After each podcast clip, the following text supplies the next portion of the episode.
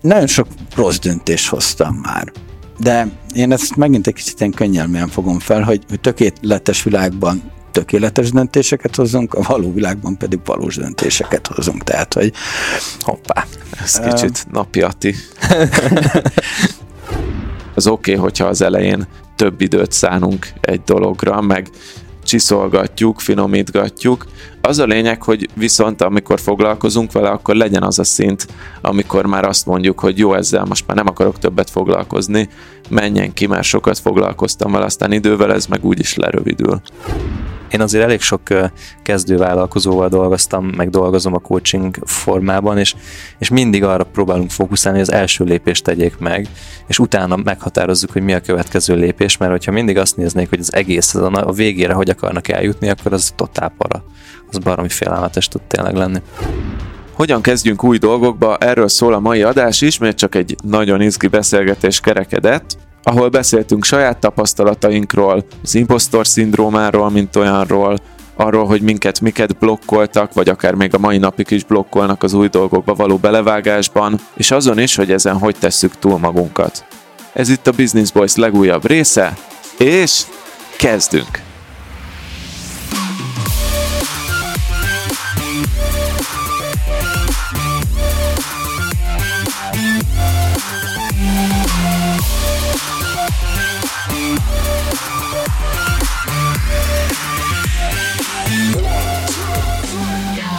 Úgy gondoltuk, hogy az dukál, hogy a BB-t a BB szponzorálja, úgyhogy a mai adást a Budapest Bankcsoport támogatta. Kutatások szerint a kisvállalkozások vezetői idejük 60%-át pénzügyi folyamatok ellenőrzésével és kezelésével töltik. A Budapest Bankcsoport erre a problémára kínál megoldást kisvállalkozói ügyfeleinek, a Budapest pénzügyi asszisztenssel. Csak hogy néhány példát említsünk, Tomi? Alapvetően ez egy online számlázó program, amihez nem szükséges bankot váltani. Segítségével minden beérkező számlát és költséget egy helyen kezelhetsz, ugyanitt kezelheted a kimenő számláidat is, ráadásul mindkettőnek a státuszát is tudod követni, amiből pedig már egyenesen következik az automatikusan generált pénzügyi áttekintők, automatikus értesítők és figyelmeztetések, eredménykimutatások, és minden egyéb haladó, mégis automatizált pénzügyi megoldás. Ha többet akarsz tudni erről, akkor menj fel a bupa.hu-ra, bupa.hu, és próbáld ki 2020. december végéig ingyenesen. Nem csak Budapest bank ügyfeleknek, tehát még egyszer mondom bupa.hu, és próbáljátok ki a Budapest pénzügyi asszisztenst. Sziasztok, Business Boys hallgatók! Újra visszatértünk a mikrofonok mögé. Itt van mellettem jó barátom Sándorfi Adrián, és a másik jó madár Mester Tomi. Sziasztok! Szia, ti! Ez egy szponzorblokk volt? Én ti is hallottátok? Én is hallottam. Hát, ez hihetetlen. Ho- hihetetlen. Hova, hova jutottunk? Bizony. Igen. Bizony. Na, durva. Na, durva. de hát igen, köszönjük, a, köszönjük a Budapest Budapest BB. BB, BB-vel. Tehát ragaszkodtunk ehhez. Igen. Na igen, de egyébként eljutottunk idáig is. Hogyha már túl vagyunk ezen a szponzor blokkon is, és újra megint együtt vagyunk, akkor nagyon érdekes témát hoztunk. Ugye. Mindannyian tudjátok, kedves hallgatók, hogy mi mind a hárman nagyon különböző típusúak vagyunk, mind érzelmileg, mind üzletileg, mind kommunikációban, de sikerült egy olyan témát hoznunk, amikor, amire mind a hárman azt mondtuk egyszer, hogy igen, csináljuk ezt, ez, ez egy jó téma, mindenki rá tud pörögni, nagyon sokat tudunk erről beszélni, ez pedig nem más, mint hogy hogyan kezdj valami újba. Ú, de jó téma. Ugye? Tehát, hogy azért itt a, a régi Business Boys hallgatók már tudják azt, hogy Adi a, a Business Boys epizódok alatt vált vállalkozóvá, ugye full-time munkából, Tomi is elkezdett már kalandozni ilyen, hogy csapatépítés, vagy dolgozik külsőssel együtt. Még egy csomó új projektet indított a fiókban a srác, és nem mesél róla. I- így van. De majd, majd mesélek. Nem, egyébként ő próbálja megőrizni azt a arcát, hogy igen, ez a, ez a, egy, egy dologra fókuszáljunk. Egy Én már rájöttem, igen. Nem, nem, majd egy update epizódban elmesélek mindent, meg ami a maiba belefér. Jó. A... Jó, de azért az Ati se panaszkodjon, mert te is, te is folyamatosan a, a melleden melengedsz egy csomó új projektet, amit mindig csak akkor mondasz el nekünk, amikor már évbe ért, és a közönségnek is csak akkor mondod el, úgyhogy, úgyhogy te is folyamatosan új dolgokba kezdesz, és azt hiszem, hogy nagyjából ennek az adásnak pont ez a témája, hogy, hogy mi már folyton új dolgokba kezdünk, de azért nekünk is vannak kihívásaink ezzel, és azért szeretnénk egy-két olyan szempontot is adni, hogy azok, akik viszont kicsit megakadtak azzal, hogy hogy kezdjenek valami újba, akkor így jobban át tudják látni azt, hogy milyen háttere van ennek, meg hogy mi hogy gondolkodunk erről. Így van, meg kinek milyen félelmei vannak Hú, ezzel igen. kapcsolatban. Amit szerintem ebben az adásban mindenki egy szeletet vagy egy, egy rész magára tud majd húzni. Na de gyorsan még mielőtt mondjuk ilyen biznisz témá felé tereljük, mondjátok el nekem, hogy mi volt az az új dolog, a legutolsó új dolog, amiben belekezdtetek. Akár pár napja, akár egy hónapja, de tök mindegy, hogy biznisz vagy, vagy személyes élet. De mi volt az az új dolog, amit tartotok azóta is, és beleálltatok? Én mondjuk nem a múlt hónapból, vagy tudok mondani egy olyat, amiben belekezdtem, és nem lett belőle szokás, meg lett egy olyan, amiben belekezdtem, és szokás lett belőle, és nekem érdekes ezt összehasonlítani, meg mind a kettő sport. Az egyik a futás, amit elkezdtem, ezt mondtam is itt kb. egy már 8-9 hónapja, és nem sokat, de rendszeresen járok futni. Valamikor kimarad egy hét, mert mit tudom én, lesérülök, de mindig visszatérek, mindig futok. Most néztem a kis követő alkalmazásom, jelezte már, hogy idén 350 kilométert futottam, Szóval ott mondhatjuk, hogy ez egy olyan szokás, ami megmaradt. Várja, nekem is van ilyen statom, és nem is, nem is vagyok messze lemaradva tőled. Hoppá. Most miért kell ezt adni? Miért trollkodott szét? Összesen 26 kilométert futottam idén. Na, így már tetszik. Így már tetszik. Így már tetszik. Ja, és akkor ott van a másik, amit egy hónapja kezdtem el, elkezdtem jogázni, képzeljétek, elmentem egy edzésre, vagy egy ilyen joga alkalomra, és utána abba is maradt. Annyira érezted. Na de várjatok, nem, tehát ilyen nagyon összetett a dolog, mert nagyon tetszett a joga. Tudtam, hogy jót tesz, jó érzés is volt, és ilyen több rétű volt, hogy még be is tudtam tenni a naptárba, hogy kb. akkor kedd reggel, meg csütörtök reggelente tudok járni, tök jó, viszont utána kimaradt egy hét, mert elmentünk nyaralni, nem lett belőle szokás, és megpróbáltam még egyszer, bejelentkeztem egy keddi alkalomra, azt lemondták, mert kevés jelentkező volt, bejelentkeztem egy csütörtöki alkalomra, lemondták, mert kevés jelentkező volt, és utána hagytam a fenébe az egészet. Ne, nem akarta az élet, hogy ezt, ezt te csináld. Nem voltál még kész rá. Nem, nem tudom, de olyan, tehát, hogy tényleg így külső hatások, belső hatások is, és így elment az egész mellettem, pedig tökre szeretném csinálni, csak én nem vagyok ez az otthon videóra jogázós típus, hanem mert azt nem csinálom meg, hanem azt csak úgy tudnám csinálni, hogy elmegyek egy órára, és valaki mondja, hogy jól csinálom-e, vagy sem, uh-huh. vagy hogy mit, mit kéne csinálnom uh-huh. pontosan. Úgyhogy ez elsorvadt. A futás meg megmaradt, és nem tudom pontosan, hogy miért itt a futásnál az biztos, hogy azt egyszerű csinálni, tehát ezt nem lehet elrontani, meg tényleg felveszek egy futócipőt, meg a futóruhámat, és már mehetek is. Jogázásnál meg ott várni kell, hogy tényleg kedden az alkalom eljöjjön, lemondhatják, illetve amit én meg megfigyeltem, hogy a futás nekem azért is jó, mert hogy közben hallgatok podcasteket. Uh-huh. És ezért két dolgot egyszerre csinálok benne, és amikor mondjuk nincs kedvem futni, de van kedvem podcastet hallgatni, akkor is elmegyek futni. És fordítva is igaz, míg a jogázásnál ott csak egy dolgot csinálok, jogázok. Igen, ezt hívják szokáskapcsolásnak, és ez egy nagyon jó módszere annak, hogy az ember egy, egy, egy kicsit nehézkes szokást beépítsen, mert összedrótozod egy olyan dologgal, amit amúgy is szeretnél csinálni, és ezt nagyon sok területen el lehet játszani ilyen, ilyen módon, úgyhogy ez tök jó, hogy így csinálod. Ati, nálad mi volt az utolsó, amit elkezdtél? Hát, én nem vagyok az a nagy sportember sajnos Tuti biznisz dolgot fogsz mondani. A... Nézd, szerintem erről, erről beszélhetünk, hát a podcast stúdió. Hoppá! Hát Hoppá. a podcast stúdió, ami ez neked is van közöd. Van bizony. Nem is kevés. Amit a Hub 55-ban megvérelni? Vagy Café 55-ban? Ez már ilyen részletkérdés, ezt majd az Adi kialakítja, hogy milyen brand alatt futtatjuk ezt az egészet majd, és, és hogy fogjuk ezt kommunikálni. Gondoltunk egy nagyot az Adriánnal, ez meg a Tominak is új információ, felvétel előtt egy nappal tudta igen, meg azt igen. hiszem. Hát hallottam már morzsákat belőle, hogy készül egy ilyen, de ezt nem tudtam, hogy ennyire komoly, hogy ezt igen. meg is fogjátok csinálni. Igen, igen, tehát a találtunk erre egy szponzort, aki a technikai eszközöket fogja biztosítani, nagyon magas szintű eszközeink lesznek, és akkor lesz, lesz egy kis stúdiónk, amit, amit talán így a BB is a kis magáénak tudhatja. És ilyen jó kis duruzsolós, reggeli rádiós hangzásunk Azaz. lesz végre? Azaz. Fú, azt már várom. És ugye az a jó benne, hogy nem csak mi használhatjuk, hanem, hanem ezzel próbálnánk azt elérni, hogy egyre magasabb legyen a komplet magyar podcast iparnak a hangminősége, és ehhez így majd hozzájárulunk olyan, olyan konstrukciókkal, hogy ez mindenkinek elérhető legyen. Így van.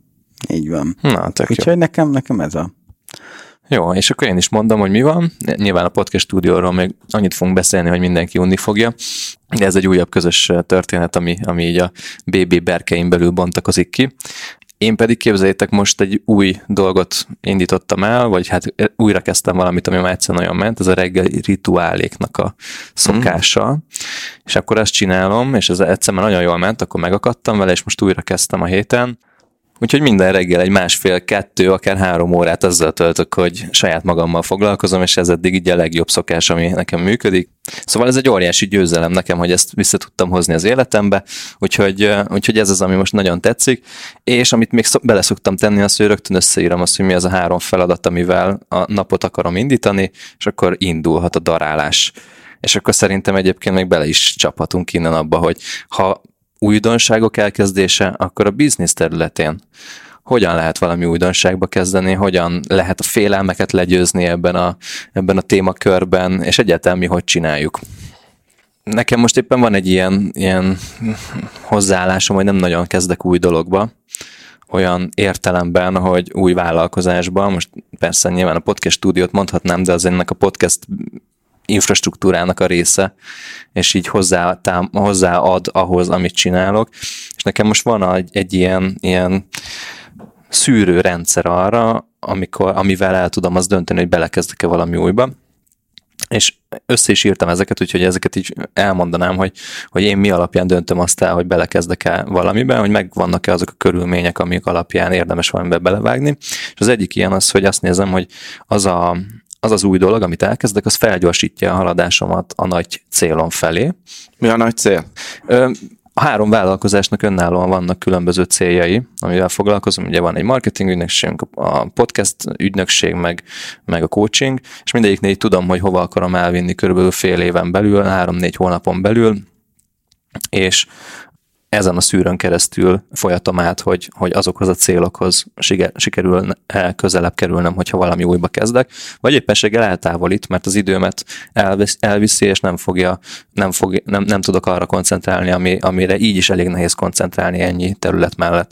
Most, hogyha a podcast stúdiót hozzuk, akkor azt gondolom, hogy az, az masszívan hozzájárul ahhoz, hogy minden, amit a podcast területén belül csinálok, az fejlődjön, kapcsolatokat építünk, új megrendeléseket tudunk szerezni a podcast készítésre, illetve egyáltalán ennek, ennek az iparágnak a támogatásához járulunk hozzá, ami meg végső soron ennek az egésznek, akár a Business Boys-nak, akár a podcastersnek egy, egy nagyon jó eredmény tud lenni.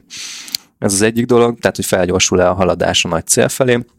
A másik az, hogy a meglévő bizniszeimmel szinergiát képvisel-e az, amiben belekezdek, mert látjátok, hogy ez a három terület, amivel foglalkozom, ezek egyébként mind összefüggnek, és mind támogatják egymást, de most nem fogok belekezdeni valószínűleg egy offline bizniszbe, vagy egy, nem, nem, nem nyitok egy cukrászdát, mert, mert, mert az, az, az, nagyon nehezen tudnám megtalálni, hogy hol vannak a, a szinergiák, és ez a Attinak is szerintem az egyik ilyen hitvallása, hogy úgy kezd bele dolgokba, hogy, hogy összeköti a, a, a szálakat, és az egészből egyszerre valami egy új dolog hatására az összes többire pozitívan fog hatni az a, az a dolog. Javíts ki, a tévedek. Mm, igen, ez már gondolkoztam azon, hogy magamra tetováltattam valahova kicsibe, hogy szinergia. Aha, Mr. Uh, szinergia. Én, én, én szeretem a szinergiát, mert tehát a szinergia az hatványozza a munkádnak a, az, az eredményét. Tehát beleteszel x szóra munkát, és sokkal többet tudsz elérni, hogyha ezt szinergiában teszed bele. Mondok egy nagyon, nagyon egyszerű példát a bárnak köszönhetően most úgy néz ki, hogy lesz külföldi megrendelésünk. Na, tök jó. És, és ez a high five, vagy nevezhetjük 55 Café and Barnak már ugye, mert ott volt egy átalakulás, az, az például ennek köszönhető. De ez a fejlesztő céghez visz. Így van, ez a fejlesztő céghez külföldi visz. megrendelés. Így van, így van. Tehát én, én alapvetően a szinergiákat ide akarom becsatornázni, hogy a fejlesztő cégnél csapódjon le minden, mert ott tudok a legtöbb profitot maximalizálni alapvetően. Meg az a legstabilabb, legkiépítettebb vállalkozásotok. Így van, így van. Érdekes, hogy én tök máshogy el. Nekem is vannak ilyen szűrőim, hogy hogy kezdek új dologba, és ezt említettétek is, hogy mostanában kezdtem azért néhány új dologba biznisz szinten is, tehát hogy már nem csak a Data 36-tal így nagyon szűken fókuszáltan foglalkozom, hanem csinálok ilyen kis apró, de nekem side projektek, tehát nem új vállalkozást indítok, de azért side projektből is így összeírtam magamnak egy 20 elemes listát, hogy milyen side projektekhez van kedvem, és nekem is azért van egy ilyen szűröm, nekem nem ez a szűröm amúgy, hogy, hogy közelebb vigyen a nagy célhoz, a szinergiák azok nekem is azért félig meddig megjelennek, de nekem kb. ez így, ahogy így a listát összeírtam, nincs nagyon olyan, ami valamilyen szinten ne segítené a Data 36-ot. Például írtam egy ilyet magamnak, hogy például elkezdtem Toastmasters-re járni, ezt már többször mondtam, és szeretnék eljárni Toastmasters versenyekre is, ami sokkal nagyobb felkészülést jelent. Nem mondhatnám, hogy ez közvetlenül hozzájárul ahhoz, hogy a Data 36-ban jobb legyek, vagy nincsen semmilyen anyagi, vagy, vagy tényleg akármilyen megtérülése, viszont ezáltal nyilvánvalóan fejlődök a, a beszédben, ami meg nekem egy fontos dolog a Data 36-nál, és akkor ilyenből van tényleg egy 20 projekt, amiből például van, amit már meg is csináltam, ilyen kis um, side projektnek, van, amin éppen dolgozom, úgyhogy mm, neke, nekem egy kicsit más, nekem inkább az, hogy mihez van kedvem most jelenleg, miben érezném jól magamat, és az ilyen másodlagos, de megjelenik, hogy már ezek eleve általában azért automatikusan olyan dolgok, amik szinergiába kerülnek. Mert már így gondolkozol, szerintem már így a véredé vált, hogy, vagy a véred részévé vált, hogy, hogy olyan dolgokba kezdesz bele, amik minimum nem tántorítanak el a fő dologtól, vagy nem visznek távolabb, de inkább segítik akár azt is. Lehet, lehet, de azon is gondolkodtam, hogy engem más nem érdekel, és akkor ezért így, így, így szűrtem. Csak a data, meg a ja, nyilvános beszéd, és ennyi. Mert a számok makacsok, és nem hazudnak. Így van. Szerintem még egy nagyon fontos dolgot említett a, a, a Tomi, hogy, hogy fontos az, hogy jól érezd magad benne. Én például, én azért nem tudnék adatelemző lenni, mert ez nekem egy ilyen unalmas dolog. Az én én stílusomhoz, az én személyiségemhez az nem, nem illene. De nagyon szeretek idegeskedni, és nagyon szeretek sokszor, sokszor olyan problémákat megoldani, amit még egy pár éve biztosan nem tudtam volna, és összeroskadtam volna alatta.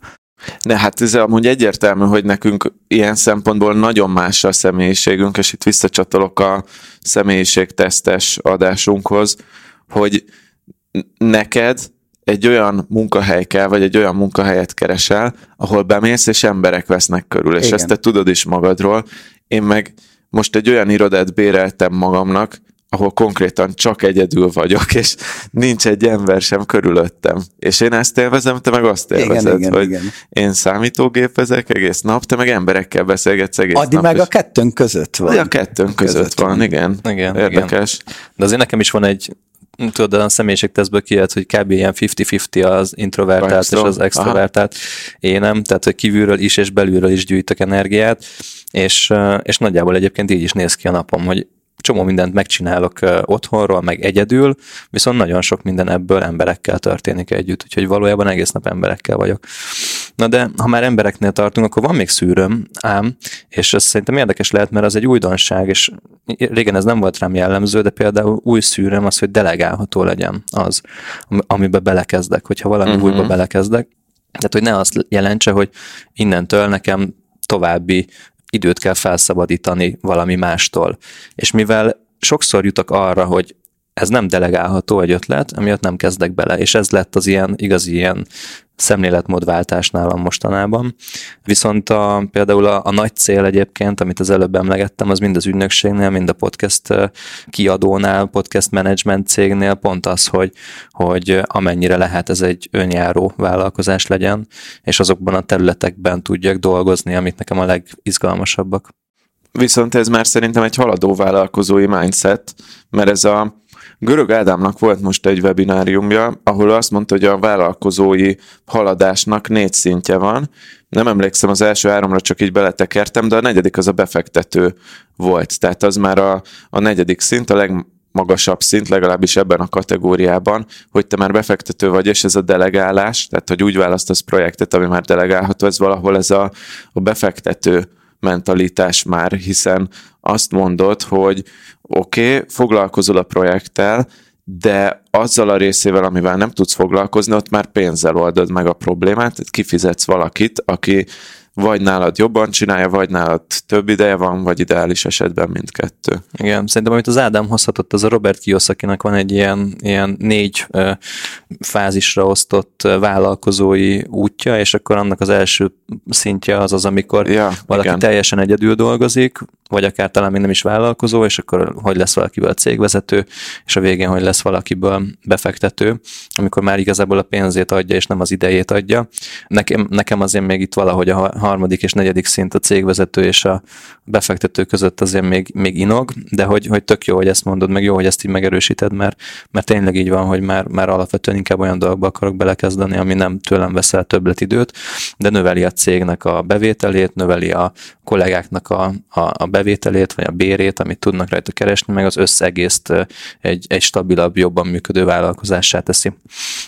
Na és még van egy, van egy, egy utolsó Bocs, csak még ehhez így hozzáfűzök, mert ez nekem is megvolt ugyanez a gondolat, hogy most elkezdtem, aki a Business Voice-ban követi, csináltam ilyen minden, amit online kurzusokról megtanultam című webináriumot, és az egy rövid webinárium, amitől másfél-két havonta van egy egyórás webinárium, viszont megkértem valakit, hogy nézze meg ezt a webináriumot, és írjon belőle nekem egy angol nyelvű cikket. Tehát dolgozza át, és tök jól meg is csinált, és ezt kitettem egy saját személyes honlapra, csináltam neki külön tomimester.com, és tettem bele Teachable affiliate linkeket, uh-huh. és ez is egy ilyen jellegű gondolkodás volt a részemről, hogy arra nem szívesen szántam volna rá 10-20 órát, vagy nem tudom mennyi volt pontosan neki megírni ezt a cikket, de tudom, hogy nekem annyi lett volna. Nem szívesen szántam volna rá 10-20 órát, hogy megírjam ezt a cikket ebben a témában. Szívesen fel, elmondtam magyarul ezt a webináriumot, és utána azt a részét a munkának, amit lehet, hogy amit mondtam, hogy ő jobban megcsinálta, azt én tök szívesen kiszerveztem, amiből hosszú távon lehet, hogy profitálni fogok belőle. Most ez a teachable affiliate link, ez nyilván apró pénz, csak tesztelem, hogy egyáltalán mi a, mik, mik ebben a lehetőségek, de érdekes, hogy ebben így pont egy rugóra járt az agyunk. Tök jó, tök jó. És van még egy, egy szempontom, amit így, az inkább egy kérdés, amit felszoktam tenni, és szerintem, szerintem ez az élet nagyon sok területén segít ez a kérdés, hogy, hogy van-e veszteni valóm, ha belevágok. És akkor ezt a kérdést szoktam én nagyon alaposan megrágni magamban, és ebbe igaz az, hogy veszteni valóm van akkor, hogyha mondjuk időt veszítek, azzal a valamivel, és az nem jól hasznosul. Ha olyan fajta pénzt veszitek, ami később nem térül meg, akár profitábilis formában, vagy ha valamilyen módon sérti bármilyen vállalkozásomat az, amit csinálok, és akkor ezt én végig szoktam így nézni magamban, és nagyon sokszor ez a mondat segített abba, hogy, hogy olyan dolgokba tudjak belekezdeni, ami, ami, amivel nincsen veszteni valom, sőt, nyerek vele. És meglepő módon akár ez, ez, ez az élet egyéb területein is tud segíteni nekem ez a kérdés, hogy van-e veszteni valóm azzal, hogyha belevágok. Itt két dolgot hoznék föl. Az egyik, hogy baromira nem mindegy, hogy ez a kérdést a vállalkozói utadnak, vagy akár a karrier utadnak melyik részén teszed föl, mert amikor fiatalabb vagy, akkor végül is nincs veszíteni valót semmivel. 20 évesen igazából nekem legalábbis úgy volt, hogy nem használtam ki száz százalékig az időmet, nagyon sokat bulisztunk, nem tudom, jártam egyetemi előadásokra, aminek semmi értelme nem volt, és ehelyett ugye, hogyha elkezdesz dolgozni valamin, annak jöhet eredménye, tehát ott kvázi nincs veszíteni valód, még akkor is, amikor az idődet áldozott föl, vagy az idődet szenteled neki, talán ott a pénz egy nehezebb dolog, és később ez azért alakul át. Tehát amikor később már van egy sikeres bizniszed, vagy akár van egy sikeres karrierutad, az már egy nehezebb döntés, hogy kitalálni azt, hogy mi az alternatíva költsége annak, hogy te elkezdesz egy új dologgal foglalkozni. És itt is azért a másik, amit akartam ehhez hozzáfűzni, hogy itt is azért figyelembe kell venni azt, hogy valaminek rövid távon van megtérülése, valaminek hosszú távon van megtérülése, és lehet, hogy rövid távon magas lesz az alternatíva költség, de hosszú távon meg nagyobb lehetőség van benne, úgyhogy ez, ez nem ilyen egyszerű, de valahol ilyen az értelmes döntést az érzésekkel kiegészítve biztos lehet jó döntést hozni. Azt hiszem, hogy egyetértünk, de hát ugyanazt mondtam nagyjából, tehát hogyha uh-huh. veszteni valón van, akkor vesztek azzal, hogy mondjuk olyan alternatíva költsége van egy tevékenységnek, amit nem éri meg megfizetni valamiért, akkor, akkor, az egy, akkor van veszteni valom. Ja, ja, csak én itt a hosszú táv, rövid távnak a felmérését hoztam ellen gondolatnak, uh-huh. vagy mhm. amin érdemes meggondolkozni. De ha már itt tartunk, nekem ebből az jutott eszembe, hogy amikor valaki felteszi magának ezt a kérdést, mondjuk abban a fázisban, hogy, hogy belevágjon-e a vállalkozósdiba, és felteszi ezt a kérdést, hogy van-e veszteni valóm, ha belevágok, akkor emlékszem, hogy nekem számos olyan kérdés, vagy olyan válasz jött a fejembe, hogy, hogy miért van veszteni valóm elveszítek egy biztos állást, mit fognak gondolni az emberek, nem is vagyok elég jó ahhoz, amit csinálok, hogy nem fogok ügyfeleket szerezni. Valójában az, hogy elveszítem azt a státuszomat, amit, amit elértem, elveszítem az önbizalmamat akár, és elveszítem a pénzemet. És ha ott akkor azt mondom, hogy, hogy hát igen, ezeket, ezek nagyon nagy veszteni valók, és nincs az a, az a, az a folyamat, amin keresztül ezt, ezt végül is megmerem lépni, és nem lépek, akkor valószínűleg most eléggé, eléggé frusztrált lennék. Hát igen, de pont itt jön be az, hogy mennyire korlátozod magadat, főleg ezekkel a gondolatokkal. Hogyha már felépítettél valamit, kockáztatni kell. Tehát szerintem ezt minden hallgatónk tudja, hogy, hogy én szerintem hármunk közül én merek a legmagasabb kockázatot vállalni.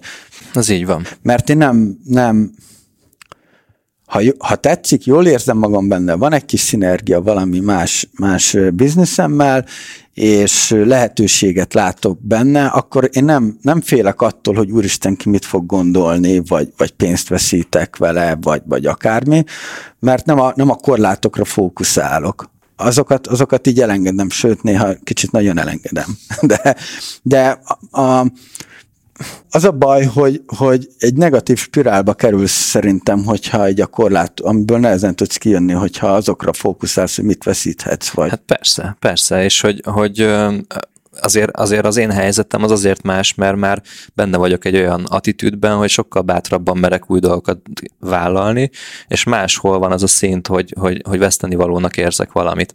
Tehát nincs, nincs olyan döntési helyzet most előttem, amikor egy új dologba kezdek bele, hogy a komplett előtte lévő életemet le kell rombolnom miatta. És ez szokott szerintem az egyik ilyen top félelem lenni az embereknél a, abba az irányba, hogy, hogy bele merjenek-e vágni akár a vállalkozásba. Persze, meg ugye a másik ilyen dolog még ez a megfelelési kényszer. Ezt már adásban mondtam egyszer, talán több adásban is, hogy amikor én Londonban dolgoztam kint, engem, engem ilyen food trainingekre küldtek, meg, tehát ugye a top 10%-ba akartak kiemelni, és én azt még a startupunk miatt, a fúzió miatt hagytam ott igazából. És amikor én hazajöttem, akkor ugye apukámmal ebből volt egy, egy nagy balhénk, hogy én a biztos karrieremet, a biztos jövőmet eldobtam magamtól, stb.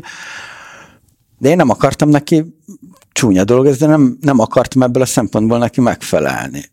Igen, kockára tettem, idézőjelesen sok mindent, akkor voltam 21 éves, tehát, hogy de úgy voltam vele, amit a Tomi is említett egy pár monológgal ezelőtt, hogy fiatal voltam, be tudtam vállalni, megtehettem, olyan életszakaszba jártam, amikor azt mondtam, hogy jó, akkor majd, majd újra kezdem.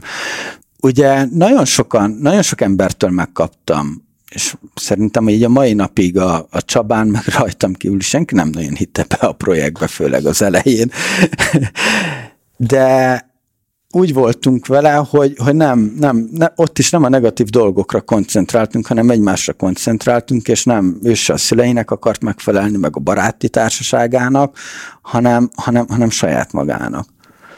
Igen, ez már kicsit a komfortzóna elméletre viszelt a szinte már közhelyesen elcsépelt, közhelyesé csépelt dologra, hogy a csodák a komfortzónán kívül történnek, de, de van ebben valami, hogy, hogy tényleg azért van egy társadalmilag elfogadott. Amúgy pont ez az érdekes, hogy fiatalon, amikor az ember sokat kísérletezhet, vagy amikor még nem nagyon van mit veszítenie, pont akkor meg nagyon durva ráhatása van a családtól, meg az iskolától, meg az ilyen kijelölt életutaktól, és aki attól el akar térni, és tényleg valami újba akar kezdeni, annak azért valamennyire ki kell lógnia a sorból, és valamennyire ellent kell mondani ezeknek az elvárásoknak, és ez baromira nehéz. Ez a, a, a fanmédmékeres extra rész jutott eszembe róla, aki elmesélte, hogy kb. 13 éves korától nem tudom pontosan meddig, de jó pár éven keresztül ő amúgy úgy YouTube-ozott, meg úgy lett egy ismert YouTube-os személyiség, hogy közben a családjától nem kapott erre túl sok támogatást, sőt, így sokszor féltették, meg, meg azt nem mondta, hogy próbálták lebeszélni róla, de gondolom ez is mögötte volt, és azért az mennyire kemény, hogy, és ennek ellenére éveken keresztül tolni. Persze, mert a, a saját fejedben meg, tehát te látod át a legjobban azt a lehetőséget, és, és szerintem legalábbis én ezzel így vagyok, hogy van A, B, C út, tehát hogy, hogy ha benne vagy valamiben, ha egy ajtó bezárul, nyílik egy másik. Uh-huh. És ez is egy kicsit ilyen közhelyes, de, de tényleg igaz. Ha keresed, akkor ott van. És akik viszont meg elvárásokat támasztanak, ők általában nem látják ezeket az alternatívákat, meg azt nem látják azt a koncepciót, ami kialakult a fejedben, és, és az ő saját szemüvegükön keresztül, az ő saját tapasztalataikon leszűrve, a saját félelmeiket a képletbe behozva próbálnak lebeszélni sokszor arról, hogy valami újba kezdjen az ember, vagy valami kockázatosba kezdjen. Hát nyilván, mert ott sokszor van egy generációs különbség is. Tehát azért... Nem feltétlenül kell, hogy generációs különbség legyen. Lehet ez egy nagyon jó barátod is. Tehát... Mondjuk az is igaz, igen. Hát egy... Mm, viszont beszéljünk egy kicsit még egy másik félelemről is, ami szintén top félelem szokott lenni. Az az, hogyha valami újba kezdünk, akkor mit gondolnak majd rólunk azok az emberek, akik a produktumot látják. Itt most egész konkrétan az impostor szindrómára gondolok, amikor mondjuk én magamat hozom példának, az adatlaboron megírtam az első cikkemet. Tudjátok, mire gondoltam?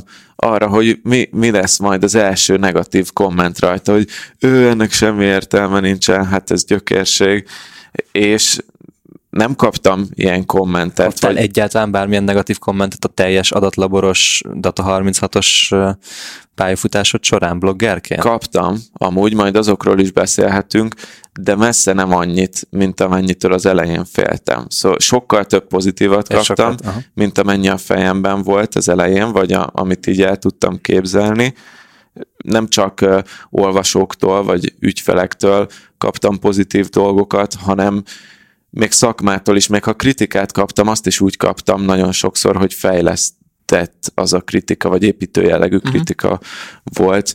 Nyilván szerencsém is volt, hogy pont olyan emberekkel találkoztam, meg azért itthon ez a data science szakma, ez egy elég építő jellegű az egész közösség, nagyon összetartó, de ugye, ugye általában az az elején, amitől féltem, az egy teljesen jogtalan volt fél, a fél, vagy jogos indokolatlan volt, félelem. indokolatlan volt ez Mert. Hogy, igen, ez a, az impostor szindróma az ugye arról szól, hogy, hogy kialakul a, az emberekben az, hogy gyakorlatilag azt jelenti, hogy szélhámos vagyok, hogy csaló vagyok, hogy nem vagyok elég, és hogy ki fog derülni rólam ez, hogyha belevágok, és látni fogják az emberek, hogy mégsem vagyok olyan jó abban, amit csinálok, és az a legrosszabb ebben, hogy saját magam számára derül ki az, hogy mégsem vagyok olyan jó. Ezért inkább nem kezdek bele semmibe, nehogy kiderülhessen az, hogy nem vagyok elég jó, vagy ezért nem fogadok el egy előléptetést, vagy ezért nem kezdek bele valami újba, vagy nem, nem vállalok el egy kihívást, mert hogy ne Isten kiderülhet az, hogy nem vagyok elég jó benne, és a környezetem is meg fogja tudni, és azt a, azt a imidzset, azt a képet, amit rólam alkotnak, ezt romba fogja dönteni. És akkor én olvastam így ennek a témának utána, és kiderült, hogy a, a legmagasabb top vezetők között is, meg, meg sztárok között ez egy, ez egy teljesen hétköznapi probléma, és ugyanúgy azt gondolják magukról, hogy kevesek, hogy nem elég jók, hogy ki fog derülni róluk ez, és inkább így visszabújnak saját magukba bizonyos esetekben, és ez sajnos viszont nagyon sokszor egy önbeteljesítő jóslat lesz, hiszen ezáltal nem mutatja meg a világnak azt, hogy, hogy mire képes valaki, és pont elkerülik ezeket a kihívásokat azért, mert kétségeik vannak saját magukkal szemben. Itt behoznék egy másik fogalmat is, ez a Dunning-Kruger hatás, vagy Dunning-Kruger hatás, nem tudom pontosan, hogy ejtik, mert csak leírva láttam. A show teszünk erről egy cikket. Tomi, Itt... sose szoktunk a show semmit tenni, úgyhogy... Nem, nem baj, most megpróbáljuk beletenni, ha nem, akkor meg a zárt Facebook csoportban majd teszünk, hogy ez egy grafikon, és kb. úgy képzeljétek el, hogy két tengelye van, van az X tengely, a vízszintes tengely, ez az, hogy mennyire vagy szakértő, ugye ez az idők során remélhetőleg, ha tanulsz, ez megy föl szépen, a másik pedig az, hogy mennyire vagy magabiztos. És az egész görbét úgy képzeljétek el, hogy az elején, amikor még nem vagy szakértő, akkor ilyen nagyon magasan indul a görbe, tehát így felugrik, és Elolvastál jobban... egy jó cikket valamiről, és akkor te már szaki vagy. Pontosan, igen. És akkor amikor így mész előre, és elkezdesz tanulni a témában, egyre jobban elbizonytalanodsz. Mm-hmm. És ez egy kutatás volt, ami ezt kimutatta, hogy ez a legtöbb embernél így van, vagy általában így van az embereknél, egyre jobban elbizonytalanodsz, és amikor már ott vagy, hogy így már éppen szakértő lennél, már eleget tanultál a témáról,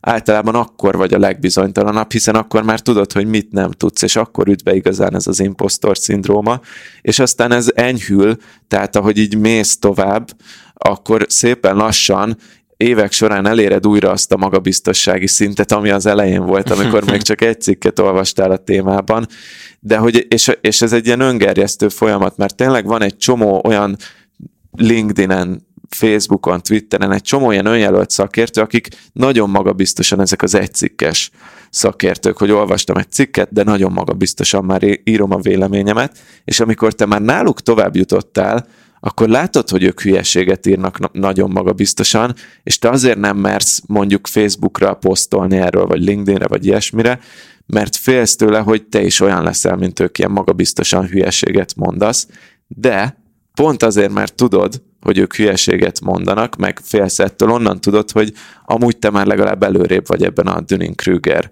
görbében.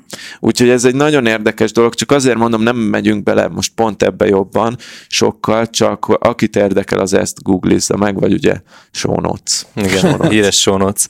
Még annyit szeretnék ehhez mondani, hogy, hogy a, a, az impostor szindrómának nagyon sokszor az a megvalósulása, hogy emiatt túltolják a perfekcionizmust a, az ebben szenvedő uh-huh. emberek, mert hogy annyira tökéletesnek kell csinálnom, és annyira makulátlannak kell lennie annak a dolognak, hogy, hogy nehogy kiderüljön a világ számára, hogy amúgy meg nem vagyok elég jó benne, és akkor emiatt tolják, tolják, tolják a perfekcionizmus szintjéig, ami meg egyébként egy, egy nagyon stresszes dolog.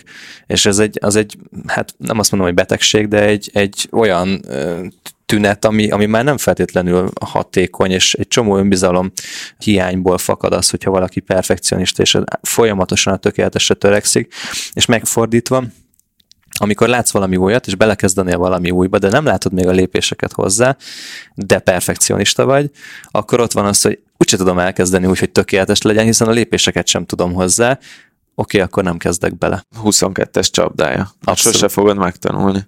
Igen, igen, és azért én azért elég sok kezdővállalkozóval dolgoztam, meg dolgozom a coaching formában, és, és mindig arra próbálunk fókuszálni, hogy az első lépést tegyék meg, és utána meghatározzuk, hogy mi a következő lépés, mert hogyha mindig azt néznék, hogy az egész a végére hogy akarnak eljutni, akkor az totál para. Az baromi félelmetes tud tényleg lenni. Persze, meg én ismerek olyan vállalkozót, aki, aki mindig próbálja felmérni, hogy a tökéletes döntést hozza meg. Ugye? De szerintem nem nagyon van olyan, hogy tök, jó, matematikailag, anyagilag nyilván van tökéletes döntés, de én, én azt tapasztalom, akikkel így beszélgettek, hogy azért nagyon sok embernek nyomja ez is a vállát, hogy, hogy tökéletesen döntsön. Nagyon sok rossz döntést hoztam már. De én ezt megint egy kicsit ilyen könnyelműen fogom fel, hogy, hogy tökéletes világban tökéletes döntéseket hozunk, a való világban pedig valós döntéseket hozunk. Tehát, hogy hoppá, ez, hogy um, ez szép volt. Ez kicsit um, napiati. de ez a, ez a körbejárom a témát, és próbálom tökéletesre vagy a tökéletes döntést hozni, az szerintem megint egy, egy olyan dolog, hogy lehetetlen, vagy nagyon nehéz, vagy nagyon sok stresszel jár. Szerintem. Mint ahogy te mondta, mondtad de az előbb, hogy az első lépés keresitek meg, ugye. Döntesz, annak, annak van egy következménye, amire, amire ha eltervezted, és akkor tudod, hogy mit fogsz reagálni, de ha nem, akkor is reagálnod kell valamit. Az már belöki a folyamatot. Így van. És hogyha valaki ebben az impostor szindrómában küzd, vagy a perfekcionizmus miatt nem kezd el valami újat, akkor ott tök jó tud lenni, hogyha felismeri ezt, hogy ebben van, hogy, hogy valószínűleg ebben a folyamatban van, és akkor azt gondoljuk, vagy ezt reméljük, hogy ez az adás egy kicsit segít hozzá, ja. és ott akkor letisztázni, letiszt, le kell tisztázni, hogy milyen lépések vezetnek, és meddig látunk előre, és hogyha az első lépés már megteszi az ember, akkor ez tényleg mint egy egy ilyen hógolyó effektus, hozza magával a következőt, és a következő meg egy még sokkal előremutatóbb döntést hoz majd magával, és így szépen elindulnak a dolgok illetve az nagyon sokat tud segíteni, személyes példából mondom, hogy amikor az ember elindul, akkor van hozzáférés egy olyan emberhez, vagy szervezethez, aki tud neki segíteni benne. Most a konkrét példa, amit mondok, az a videókurzusom. Az első videókurzusomat azt úgy vettem föl, a leges-legelsőt, kvázi én a nulladiknak mondanám ezt, hogy az O'Reilly Media, egy nagy amerikai cég, megkerestek, és mondták, hogy szeretnének egy videókurzust csinálni, és mondtam, hogy hát videót már vettem föl, de videókurzust még soha, és az nagyon sokat segített, hogy nekik voltak best practice-eik a témában. Ők adtak nekem proofreadert, ezt a mikrofont, ami a fejemen van, ezt elküldték nekem, hogy ezzel vegyem föl, mert ők már kitapasztalták azt, hogy ez a legjobb mikrofon, és az, hogy az ő tapasztalatukat én be tudtam emelni a saját munkámba, az adott egy olyan magabiztosságot, ami, tehát így is nagyon paráztam, amikor az első kurzust kiadtam, hogy vajon nekik tetszeni fog de tudtam, hogy ott egy szűrő, hogy az ő minőségüket meg kell ugrani ahhoz, hogy egyáltalán publikálva legyen, és az, hogy ezt velük együtt csináltam, ez most már nem tudnám megmondani, hogy ez vízválasztó volt-e, de el tudom képzelni azt, hogy lehet, hogy nem lett volna saját kurzusom, hogyha nincs egy ilyen kezdő löket az elején egy tapasztaltabb játékossal a piacon. Viszont ehhez meg szerintem az hozzátartozik, hogy valahogy az O'Reilly Media meg, megtudta azt, hogy te mivel foglalkozol, mert te már megtetted az, azokat a lépéseket, amik ahhoz vezettek, hogy téged megtaláljanak. Ja, nyilván. És hogy, hogy, hogy innen így értem azt, hogy sokszor nem tudjuk azt, hogy az úton milyen döntésekkel nézünk szembe, és hogy te is csak arra koncentráltál, hogy meglegyenek az első cikkeid, meglegyen az első, nem tudom, kapcsolatfelvétel, valamilyen, akár nem tudom, hogy te vetted fel az O'Reilly-val a kapcsolatot, nem, hogy, ők tehát, hogy, hogy, hogy tettél előtte olyan lépéseket, amik már az indulást segítették, és nem tudtad, hogy a videókurzushoz fog vezetni ez az út, de azzal, hogy, hogy, hogy az első lépéseket megtetted, így lehetővé tetted a világ számára, hogy kibontakoz hozzon, és így egy, egy másik tehetséges, tehetségedre reagáljon, amiről akkor még nem is tudtad, hogy tehetséges vagy benne. Mm. Remélem. Remélem az vagyok. De amúgy tény, hogy most már, amúgy, amikor ott felvettem egy órás videókurzust, az szerintem az, vagy mondjuk egy 5 perces blokkot belőle nagyjából négy órán keresztül vettem föl, mert újra mondtam, kiejtés jó legyen, nem tudom mi, Ma reggel bementem az irodába, és egy komplett 15-20 perces YouTube videót felmondtam egy óra alatt. Uh-huh. Tehát, hogy nyilván időnek el kell telnie, de hogy azt szerintem tök oké, okay, amit mondtál, csak a perfekcionizmusra reagálva, hogy azért az oké, okay, hogyha az elején több időt szánunk egy dologra, meg csiszolgatjuk, finomítgatjuk. Az a lényeg, hogy viszont amikor foglalkozunk vele, akkor legyen az a szint, amikor már azt mondjuk, hogy jó, ezzel most már nem akarok többet foglalkozni, menjen ki, mert sokat foglalkoztam vele, aztán idővel ez meg úgyis lerövidül. Igen. Persze, de emlékezzetek vissza arra, hogy az első BB adást újra fel is vettük. Pontosan, igen. Ez a másik, ami eszembe jutott. És hogy az is normális, hogy azt mondtuk, hogy na jó, ez, ez, ez nem lesz vállalható. Lehet, hogy az lett volna, lehet, hogy akik most hallgatják, nem vennék észre a különbséget, de bennünk is volt egy ilyen Hát azért perfekcionizmustól messze voltunk, de, de, de akkor már rutinosak voltunk ebben, hogy tudtuk, hogy nem kell perfekcionistának lenni, de azért egyfajta ilyen, még impostor szindrómának sem nevezném, csak hogy féltünk attól, hogy mi lesz, hogyha ez, ez rossz lesz, vagy rosszat nem akartunk kiadni. Igen, de érdekes egyébként nekem az volt kb. az első olyan dolog, hogy úgy kiálltam az emberek elé valamivel, amit csinálok.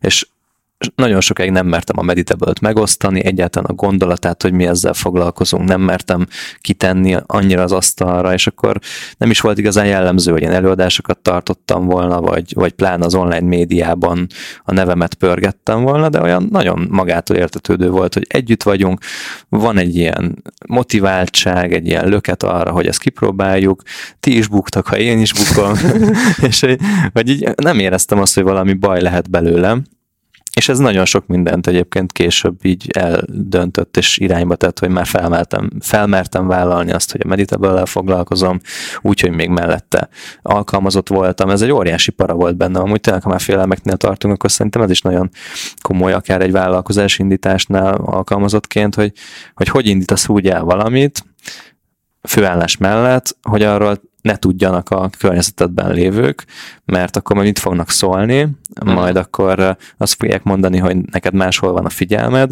holott egyébként rengetegen csinálják azt, hogy van egy hobbiuk, vagy van egy mellék projektjük, amivel foglalkoznak, és azt a szabad idejükben csinálják, és ebben nagyon-nagyon, én, én, nekem az a tapasztalatom, hogy ritkán kötnek bele azért a, a jobb főnökök, vagy a jobb munkáltatók.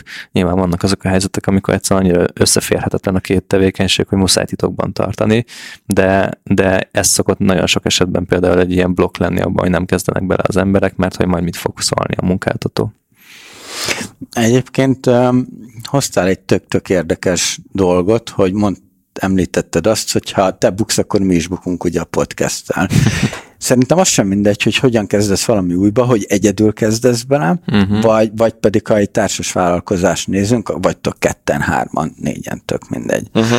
Mert nyilván megoszlik a, a, a rizikó, megoszlik a stressz, de valamilyen szinten ez egy kicsit a cég szempontjából egy kicsit ilyen hamis képzelet szerintem. Ha úgy vagy vele, hogy te nem tudod megoldani, majd megoldja az üzlettársad, ugye? Ha nem tudtuk volna megoldani, hogy a BB-t felfuttassuk, itt mindenki az úgy volt vele, hogy, hogy oszlik a kockázat, oszlik a munka, a felelősség. a felelősség, ami nem nyomta annyira a vállunkat mondjuk ki is mondtuk azt még a legelején, hogy ez egy hobbi projekt, ami megint könnyített a vállunkon, de fontos szerintem az, hogy a, a, a társaid, legyenek ezek üzlettársak, vagy akármilyen társak, hogy állnak hozzá. Igen, valamilyen szinten csökkentettük a kockázatot, meg a terheket, meg a munkát, meg a vesztenivalót ezzel az egésszel. És amúgy nekem nagyon tetszik, amit mondasz erről, hogy együtt kezdeni másokkal valamit, mert tényleg én azt tapasztalom, hogy az én személyiségemben nincsen meg minden ahhoz, hogy sikeresen tudjak egy, egy egy személyesnél nagyobb vállalkozást építeni. És nekem például kulcs jelentőségű az, hogy a, van, van, van két üzlettársam az ügynökségben, egy csomó dolgot máshogy csinálnak ők, máshogy szélszállnak, máshogy vezetik a csapatot, máshogy kommunikálnak az ügyfelekkel. Máshogy válaszolnak az e-mailekre. Igen, igen. Vagy egyetem válaszolnak. Igen, erre, erre próbáltam, erre próbáltam kihegyezni. És, és a, a podcastersben is például, a, amit a Danival csinálok, tehát én nem, nem tudom elképzelni, hogy ez működhetne, hogyha ő nem olyan precíz és olyan odafigyelő, és a, a rendszer szemlélete nincs olyan szinten, mint az enyém, és emiatt itt tök jó kiegészítői vagyunk egymásnak. És szerintem érdemes keresni az ilyen kapcsolatokat, és hogyha valamivel újba kezdünk, akár meglévő vállalkozók, tehát akár már úgy, hogy vállalkozók vagyunk, akár úgy, hogy alkalmazottként mással összeállva csökkenteni lehet a felelősséget, a stresszt, a, a hibázásnak a lehetőségét, az egyfőre jutó munka mennyiséget, meg a szakértelem hiányát is lehet így pótolni. Nálam ugyanez volt, amikor a pubot nyitottam, tehát hogy fogalmam nem volt, hogy hogy kell egy, egy vendéglátóegységet üzemeltetni kellett egy olyan szakma belé, aki, aki már ebben dolgozik régóta, és tudja, hogy hogy működnek ezek a dolgok. Ez volt a Dani, ugye a, ebben a sztoriban, vagy még mindig van, és... Ez nem az a Dani, akire Ez az egy én másik. Igen, ez egy, ez Igen. egy másik Dani. Ez az én Danim. De hogy ezt meg is beszéltük az elején, hogy azzal te foglalkozol, én nem akarok azon stresszelni, hogy van-e áru, nincs áru. Ez csak egy részletkérdés egy bár esetében. Igen, igen, igen, igen. De egyébként hidd el, hogy nem, nem egy ritka probléma, hogy nem érnek ki időbe, főleg az egyik nagy üdítőgyártó cég. A lényeg a lényeg, hogy, hogy fontos az, hogy meglegyen a másiknak a tudás, és te meg tudjál benne bízni egyébként, hogy ő, ő azt fogja tudni vinni azt a vonalat. Mert hogyha ha nem, akkor miért, miért az üzlettársadért? Tehát, hogy ez szerintem majdnem hasonló, lehet, hogy ez megint meg fognak kövezni, de egy üzlettársi kapcsolat az, az majdnem olyan, mint egy párkapcsolat. Tehát meg kell tudnod bíznod benne, és a munkádnak egy részét, vagy a, a, a cégnek egy részét rábízod. Igen, igen, igen. És ez kell bizalom. Figyeljetek, én még oda fűznék vissza az elejéről, és egy, egy kérdés maradt bennem összesen a témával kapcsolatban, hogy ugye beszéltünk arról, hogy Adinak vannak ezek a szűrői, uh-huh. és hogy még arról volt szó, hogy van egy alternatíva költsége, amikor valami újat kezdesz, és itt nekem van egy ellentmondás, amin mindig gondolkozom, hogy az egyik az az, hogyha valamit sokáig csinálsz, akkor indul el ez az exponenciális effekt, hogy ha bárt üzemelteted egy hónapig, vagy egy évig, vagy tíz évig, tök más lesz értelemszerűen az eredmény, nem egyenesen arányosan megy föl ez az idő során, hanem valószínűleg, hogyha jól csinálod a dolgokat, pont a szinergiák miatt, meg minden miatt, ami összeadódik, egy ilyen exponenciális hatás van, Viszont ha közben elkezdesz, amiközben ez a görbe megy föl egy új dolgot, akkor csökkented, onnan elvonod a figyelmedet, és hogy nekem ez a nagy ellentmondás, hogy ugye egyrésztről a régi dolgokról, ha elvonod az energiát, amit már csinálsz és sikeres, akkor ott csökkented ezt a, ezt a hatást. Hogyha meg nem kezdesz új dolgokba, akkor bezárod magadat kvázi a komfortzónádba, amiről szintén beszéltünk, és nincs, ami inspirálja a másik dolgot, nincs egy külső szinergia, ami növelni azt a dolgot, és hogy hogy lehet megtalálni a között a kettő között az egyensúlyt, hogy mikor van erre valami best practice-etek. Én most ebbe az irányba tartok, hogy nyilván felismertem, hogy nem célszerű három vállalkozást ugyanazzal az erővel futtatnom, mert szét fogok szakadni benne, és nagyon sok energiám arra megy, hogy, hogy ezek a vállalkozások egy idő után nélkülem is tudjanak jól működni, és ahhoz legyen csapat, legyenek olyan feladatkörök, szerepkörök, amik már nem az én vállamat nyomják. Így azt vizionálom, hogy mondjuk fél év múlva sokkal kisebb lesz a feladatom az egyes projekteken belül. Na és akkor viszont felszabadul egy olyan idő, amit el tudok dönteni, hogy ezek fejlesztésére állítom be mondjuk a háttértevékenységek fejlesztésére, vagy üzletszerzésre állítom azt a tevéken, azt az időt, azt, ami felszabadul, hogy valami másba kezdek, vagy csak többet foglalkozom saját magammal. Egyébként utóbbi a tervem.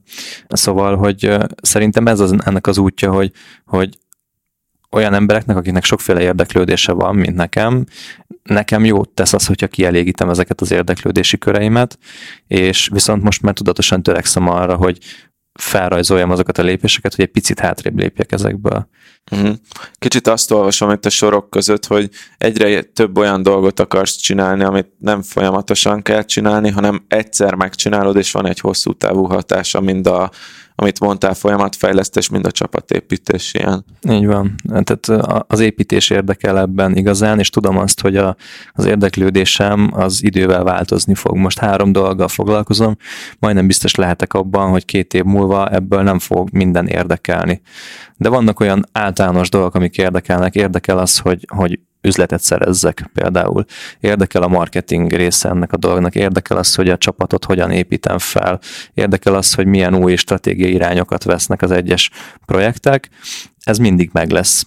De az, hogy most melyikbe teszem, meg melyik tevékenységbe, vagy később egy negyedik, vagy ötödik, vagy hatodik dologba teszem-e, az, azt majd az idő eldönti. Ebben az a szép, ami eszembe jutott még, hogy amikor az ember ilyen dolgokat kitanul, ami az elején új, hogy csapatot építeni, vagy egy céget alapítani, és azt felépíteni, egy idő után már ilyen rutinosan megy ez is, hogy mint hogy az Attinak már nekem a cég alapítás egyszer csináltam, hát az olyan volt, hogy kb. egy teljes ilyen mentális teher itt volt rajtam hetekig. Atti meg olyan, hogy na jövő héten csinálunk még egy KFT-t, és akkor az igen, ja nem, akkor azt bezárjuk, akkor csinálunk még egyet, hogy és ez jó, tehát ez, ez szerintem ezek jó dolgok, hogy ezek az új dolgok, amik aztán bekerülnek már a komfortzónába, ezek ilyen ismételhetővé válnak, és egy alapskillé válik az, vagy egy alapkészségé válik az, hogy mondjuk felépítesz egy csapatot, és az, az baromi hasznos tud lenni hosszú távon. És az, ami... igen, utána az ismételhető teljesen más érdeklődési körökben igen. épített vállalkozásoknál, pláne, hogyha még szinergia is van a többi között, mert hogy az alapok, azok nagyon sokszor ugyanazok, hogy csapatot építesz, hogy, hogy felépíted a stratégiát, üzleti tervet csinálsz, KFT-t építesz hozzá, megszerzed a beszállítókat, ügyfeleket hogyan szerzel, nagyjából egy csomó dolog replikálható és átvihető máshova, és így szerintem így jön az, hogy, hogy ugyanúgy megmaradhat az az exponenciális fejlődés, amire, amit mondtál, hogy így viszont már, már ha valahova energiát teszel, akkor az már, akkor az már mindenre hat, és az az energia, amit beteszel, az sokkal kisebb befektetéssel jár, mint az elején járt volna. Uh-huh kicsit az ilyen stratégiai számítógépes játékok jutnak eszembe, ahol az első faludat Age of Empires, amikor is felépített, fú, az tök nehéz, utána meg már így mész tovább, és így gyorsan így telepítgeted a kis favágó kunyhókat, meg nem yeah. tudom mi.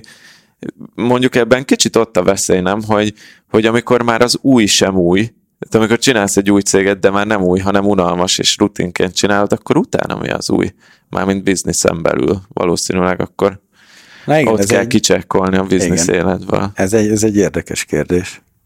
Ja, de ezt nem mi fogjuk megválaszolni. Vagy nem most. nem vagy most, nem most, most. Vagy talán, hogyha stúdióba tudunk majd hívni egy rutinos üzletépítőt, aki exitelt is már cégekből, akkor lehet, hogy ő meg tudja válaszolni nekünk.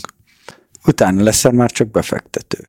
Igen, igen, igen. Na, úgy igen. De, de egy idő után az is uncsi. Egy idő után minden komfortzónába kerül az, hogy hogyan kezd valami újba, és hogy, hogy félsz a bukástól, és nagyon visszajönnék ide, meg hogy ciki, meg, meg, meg akármi. Én azért nem foglalkozok ilyen kérdésekkel, mert ha megnézzük például a startup világot, milyen tapasztalt befektetők, akik sok mindent megjártak, nagyon jó kapcsolati rendszerük van, nagyon nagy tudásuk és tapasztalásuk van, mennyi bukócégbe fektetnek be. Igen.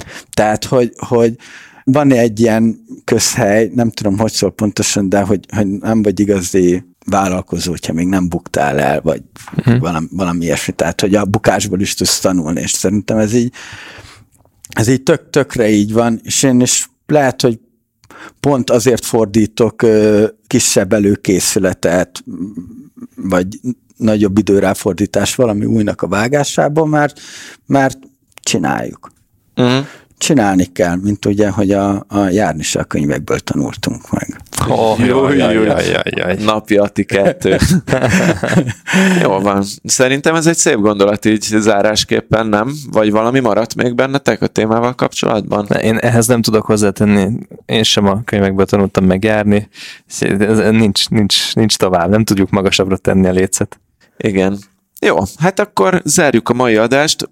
Ma nem live voltunk, de aki csatlakozik a zárt Facebook csoportunkhoz, a Business Boys Facebook csoporthoz, az lehet, hogy a legközelebbi adást már élőben is követheti Facebook videón.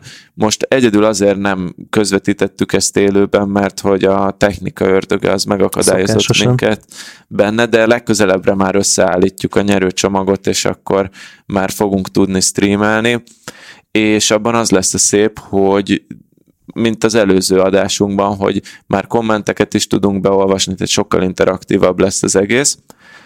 Úgyhogy csatlakozzatok a zárt Facebook csoportunkhoz, kövessetek minket minden social media felületen, Facebook, Instagram, mik vannak még? Hát a Voice van, ahol minket lehet még hallgatni, ja, ami az viszont egy tök jó hangos könyv kuponkódunk van, az első hónap 90%-kal olcsóbb, úgyhogy irány a businessboys.hu per voice, V-O-I-Z.